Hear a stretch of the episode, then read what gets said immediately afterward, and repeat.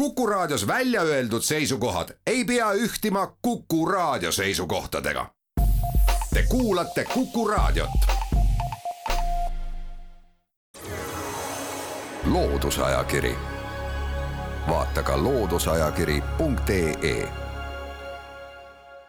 tere kõigile teile, head Kuku raadio kuulajad, tere saatekülalisele, tere ajakirja Horisont peatoimetaja Ulvar Käärt. tere, tere! anname tänase saatega teile teada, millest saab lugeda ajakirja Horisont värskest numbrist, neljandast numbrist.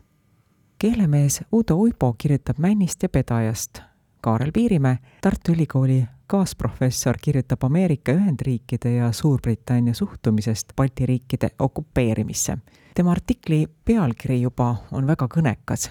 sama hästi kui venelaste maa. Ja väga kõnekas on ka seda artiklit illustreeriv esimene foto. jah, tegelikult kui me seda vaatame, siin on ju Teise maailmasõja aegsed ja, ja Teise maailmasõja järgsed maailma vägevad, ehk siis Stalin, NSV Liidu juht Stalin, Ameerika juht Roosevelt ja, ja Suurbritannia juht äh, Churchill, kes on siis, äh, foto on tehtud äh, Teherani tippkohtumisel neljakümne kolmandal aastal, aga need olid siis lääneriikides suured liitlased, kes üritasid siis nii-öelda leibasid ühte kappi hoida või, või hästi läbi saada ja sõprussidemeid luua, aga et siis tegelesid maailma jagamisega justkui. ja kui me seda pilti vaatame muidugi, et siis see ju puudutabki otseselt ju meid, ütleme, Baltikumi ja, ja Ida-Euroopat ka, et kes siin nagu kõige rahulolevam on, on Stalin, kes istub uhkes vormis ja väga muheleb aga Roosevelt ja Churchill on kuidagi väga mornid ja tõsised. ehk siis mehed on justkui pidanud oma sõnu sööma siin, need kaks tükki, kes siis on Roosevelt ja Churchill. miks see lugu meil ka, ütleme, esilugu selles numbris on, et äh, selle loob ju meile tegelikult äh, praegune kont-, äh, poliitiline kontekst või kui me vaatame Ukraina peale, kus juba peaaegu pool aastat on sõjakattel podisenud, ja me näeme pidevalt või ka loeme või, või kuuleme, et jälle mõni läänemaailma või lääneriigi vägev on helistanud Venemaa vägevatele. Ja seda lugu lugedes tegelikult äh, see ongi nagu kuidagi, loob sellise mõtlemisaine, et millest nad küll räägivad näiteks, et kui me vaatame siin, kuidas Teise maailmasõja järel maailma jagati ja mõjusfääre jagati, et siis millised argumendid, millised kaalutlustel erinevatel riikidel olid et siis väga huvitav on ka seda mõelda, et mis see tänapäeval seal, millest me ei kuule tegelikult, me näeme küll pilte, kus mõni istub pika laua taga, keegi seal, kas on see Prantsusmaa juht või, või, või Euroopa Komisjoni esindajad, aga me tegelikult ju ei tea, mille üle nad täpselt seal räägivad. miks see siis nii läks tegelikult, et kui Teine maailmasõda oli, et siis neljakümne esimese aasta augustis lääneriigid või ütleme, Ameerika ja Suurbritannia leppisid ju kokku, et kõik riigid, kes on sõjaaeg oma iseseisvusest ilma jäänud rahvusriigid, et äh, nende iseseisvus tuleb taastada. ja tegelikult see neljakümne esimene aasta äragi lõppeda, kui juba Suurbritannia välisminister Anthony Eden lubas siis äh, Moskvas Balti riigid ära anda Stalini mõju alla. Karl Piirimäe nagu väga peenelt toob selle välja siin, et noh, et kui me suurt pilti vaatame, et siis USA ja Suurbritannia ju tegelikult tahtsid äh, seda suurt ilmasõda võimalikult kergelt üle elada, et nende rahvas ei peaks või, võimalikult vähe kannataks seetõttu tehtigi panus siis Nõukogude Liidule, kes siis pidi selle nii-öelda veretöö ja verevalamise enda kanda võtma. ja loogiline oli see, et ju Stalin tahtis selle eest vastu teenida, nii-öelda vorst vorsti vastu. et kui teie mehed olete kuskil peidus nii-öelda ja mina teen suure töö ära ja Natsi-Saksamaa hävitatakse, et siis et äh, soovib seda, neid alasid ka enda mõjusfääri tagasi saada, mida Saksamaa või Hitleri aeg ära võttis tema käest. ja samas siis ütleme ka et see ei olnud ka päris jällegi see pall nii-öelda ühte väravasse, et äh, samal ajal ju Suurbritannia ja et Nõukogude Liit tegelikult samal ajal sõltus ka ju lääneriikide majanduslikust abist, oli ka sõjaline abi, varustusmootorid ja ka toiduabi, millest nii armee kui ka tegelikult äh, Nõukogude Liidu elanikkond väga tugevalt sõltus. aga muidugi, miks need lääneriigid, nii USA kui ka Suurbritannia tegelikult äh, selles olukorras väga ebamugavalt tundsid või olidki siis mornide nägudega ja vaatasid pigem üksteise poole, mitte Staliniga silmast silma ei olnud pildi peal. et oli siin taustal oli tegelikult augustis Atlandi harta tehtud, et äh, need väärtused ja need mõtted ja need ideed, mis seal siis alguses suure suuga lubati, et tegelikult need ju tallati väga pragmaatilistel reaalpoliitilistel kaalutlustel jalge alla ja see oli üks väga ebamugav selline episood aga jah, nagu jälle alguses ma ütlesingi, et kui me mõtleme nüüd selle Ukraina sõja kont-, konteksti peale, et siis selle loo väärtus on kohe, kõneleb hoopis teist keelt nagu, et väga põnev on mõelda, mis praegu toimub maailmas. lehitseme ajakirja Horisont neljandat numbrit edasi ja me jõuame intervjuu juurde. Helen Rohtmets-Saasa usutles Tartu Ülikooli mükoriisa uuringute professor Leho Tedersood. intervjuu pealkiri on Elustiku mitmekesisust reguleerivad seened ja sellest loost saab teada, milliseid rolle seened looduses täidavad ja mis kasu inimene oskab seentest saada ja muidugi söögiseentest tuleb ka juttu no me ei saa ju seentest, kui me räägime, siis ja ainukene viis, kuidas inimesed ju nendega suhestuvad, ongi ikkagi need erineva suuruse, erineva kuju ja erinevat värvi kübaratega seened, mida kõlbab kuidagimoodi maitsestades või, või kuumutades või, või marineerides või käideldes hamba alla pista, mis, mille pärast eeskätt inimesed ju neid korjavad, millega suhestuvad. Aga tegelikult sellest äh, Leho Tetersooga jutuajamisest äh, tuleb väga palju selliseid mõtlemapanemaid asjaolusid ju tegelikult välja, et et esiteks, et kui me räägimegi siin nüüd seenest kui kulinaarsest sellisest, äh, tema kulinaarsetest omadustest, et siis Leho Teter suudab ka seda hästi välja, et et kas me ikkagi mõtleme, mis meil siis seal hamba all mõnuga krõmpsutame seal või närime, kui me oleme, sööme siin praetud kukeseent või, või puravikke või, või siis marineeritud männiriisikaid, et see on ju kui otse öelda, siis see ongi ju seene sigimisorgan, mida me tarvitame ja millega me suhestume ainult, aga tegelikult suur osa, ehk siis see seenemaailm on ju pinnases kus on siis äh, seeneniidistiku näol, mis on imeõhukesed, ainult kaks mikromeetrit võib läbimõõt olla sellel niidistikul ja see nagu tuleb, toob ta jälle ühe selle fakti seejuures välja, et kui me võtame ühe grammi metsamulda, siis selles võib olla kuni kaks kilomeetrit äh, seeneniidistik, rääkimata sellest veel erinevatest haigust tekitavatest äh, seentest või, või lagundajatest või, või ka siis ütleme veel patogeenid või ka need, ütleme siis üherakulised sellised seened veel ka, kes on, tuleb välja ka seened et ja neid on siis ütleme, selles ühes grammis veel seal ka kümnete kaupa läbisegi kõik elavad, erinevat liiki seened, sellises piisikeses mullakübemes ainult. ja kui me võtame, kui palju meil tegelikult seda mulda on, kogu elav äh, taimestik äh, sõltub sellest, kõik see liigirikkus, ütleme, see ongi see siis, millega ka Eesti seeneteadlased tegelevad, just sellise mikroskoopilise seeneriigi uurimisega ja selle kirjeldamisega et ja sellel alal on tegelikult Eesti seeneteadlased ka kuuluvad maailma tippklassi. on aeg väikeseks pausiks. loodusajakiri, vaata ka looduseajakiri.ee loodusajakiri läheb edasi. kuku raadio stuudios on ajakirja Horisont peatoimetaja Ulvar Käärt, saatejuht on Tiia Rööp vaatan, millest veel saab lugeda ajakirja Horisont neljandast numbrist. Ain Kallis kirjutab ilmast ja paraadidest ning tema artiklist on tore taas jälle teada saada, et ega aastad ei ole ilma poolest sugugi sarnased, isegi sellised aastad, mis seisavad kõrvuti. Nii näiteks tuhande üheksasaja kolmekümne kuuendal aastal jäi paraad külma tõttu ära, aga aasta ennem seda, tuhat üheksasada kolmkümmend viis, oli kahekümne neljandal veebruaril tubli kolm kraadi sooja ja üksikpataljoni suusarühm pidi marssima paraadil vihmasajus suusatõlal ja, ja see andis üsna palju naljadeks ainet. veel rubriigis Sündmuste horisondil Andi Hektor ja Kristjan Kannike põhjendavad, miks elu vajab tasakaalutust. kui me nüüd jõuame rubriigi juurde Dokument kõneleb, siis Ester Pardone,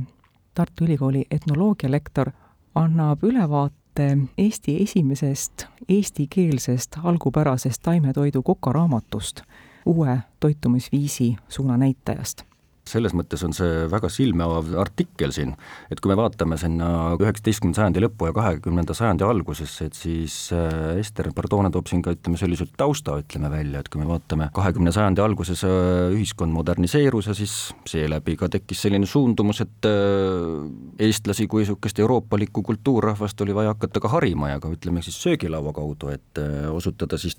tähelepanu taimetoidule kui justkui tervislikumaks peetavale toidule, erinevalt lihast näiteks, aga taimetoit, ütleme, tavaliselt ongi ikkagi vastukaaluks millelegi, levib ju, ütleme, et teda alati kõrvutatakse justkui liha vastu ja liha vältimiseks on see siis kala ka veel või, aga Mari Sapas, kes selle taimetoidu raamatu esimese kirjutas, Taimetoidud ja nende valmistamine, mis ilmus siis tuhande üheksasaja üheteistkümnendal aastal, oli üks selline naisterahvad, kes oli käinud Soomes äh, majapidamiskoolis ja ta oli saanud sellise, kuidas öelda siis, tollase sellise parima kodunduse ja sellise aiandusalase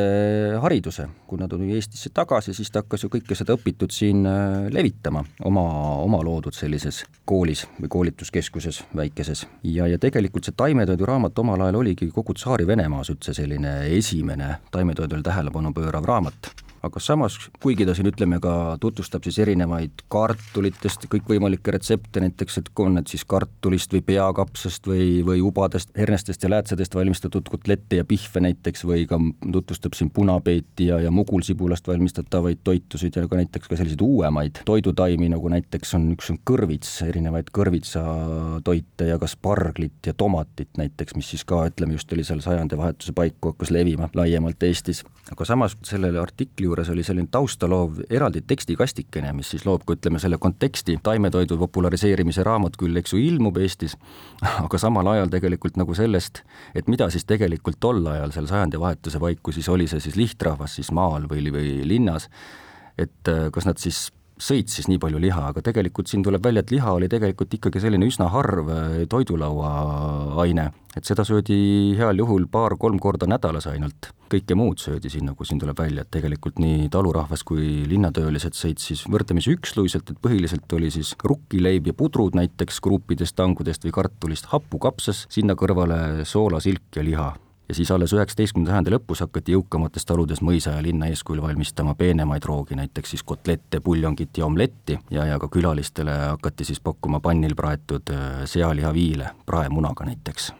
leidsime ajakirja Horisont neljandat numbrit edasi. artiklisarja Teaduspilt seekordses loos kirjutavad Jaanika Anderson ja Ken Ird pildi vajalikkusest teaduses ja õppetöös ning Paul-Eerik Olli, vesinikuenergeetika entusiast annab ülevaate vesiniku tarbimisest Euroopa Liidus ning räägib ta ka sellest, mida tähistavad vesiniku värvid just, ja tegelikult see on selles mõttes väga silmevaatav, kui me vaatame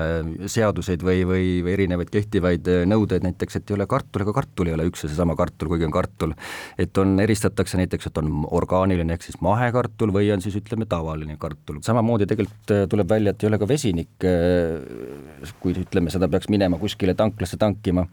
et siis äh, peab ikkagi teadma, et kuidas ikkagi see vesinik täpselt on tehtud, et siis sellest sõltubki see värv, ütleme, mis on kokku lepitud, et kui me räägime praegu, et miks seda vesinikku, eks ju, toodetakse, on see siis väetisteks või ka juba kütusteks näiteks või, aga et enamasti tehakse seda siis fossiilsetest tooretest, on see siis maagaas, kivisüsi, on see must või pruun siis, aga et siis mille poole nüüd Euroopa Liit oma sellise suure ambitsioonika rohepöördega pürgib, on ikkagi leida siis ütleme selliseid viise, kuidas toota rohelist vesinikku, ehk siis äh, selle aluseks on siis taastuvatest allikatest pärit elekter ja tegelikult siis vesi. või on see siis, ütleme, kasutatakse seejuures energiaallikana mitte siis rohelist elektrit, vaid on siis näiteks ka tuumaelektrit, mida siis ka justkui praegu on lepitud kokku, et ka tuumaenergia näiteks on selline, kuidas öelda, ei ole nüüd nii suure keskkonnakahjuga, kui võrreldes nende fossiilsete kütustega, aga jah, vesinik on selles mõttes oluline, et Euroopa rohepöörde raames on seda peetakse üheks selliseks võtmelahenduseks, kuidas pürgida sinna süsinikuneutraalse majanduse poole. ja sellepärast sellest vesinikust ilmselt tuleb siin meil veel ja veel juttu, sest see muutub üha olulisemaks. aga et jah, Paul-Eerik Olliga toob selle Eesti konteksti siin välja, et tegelikult siis ka, nagu ta siin mainib, et meil on ikkagi Eestis on olemas selle ala head teadmised ja selline pädevus ja tegelikult on ka riik kokku leppinud, et kuskil toetada selliseid esimesi pilootprojekte, mis on seotud vesiniku tootmisega ja selle kasutamisega, et näiteks, et kaks tuhat kakskümmend neli Väo elektrijaama kõrvale peaks tekkima selline vesiniku tootmisjaam ja plaanis on siis panna selle toodanguga, sellest toodetud vesinikuga vesinikutaksod linna peal vurama. üks artikkel, millele tahaks kindlasti veel ka tähelepanu juhtida, selle autor on Aimar Ventsel. Aimar Ventsel kirjutas eelmises Horisondi kolmandas numbris sellest, miks väikerahvad välja ei sure nüüd selles Horisondi neljandas numbris kirjutab ta põhjarahvastest ja alkoholist, müütidest ja tegelikkusest ja nagu Aimar Ventsel oma artikli sissejuhatuses ütleb, on ta, on ta üsna sarkastiline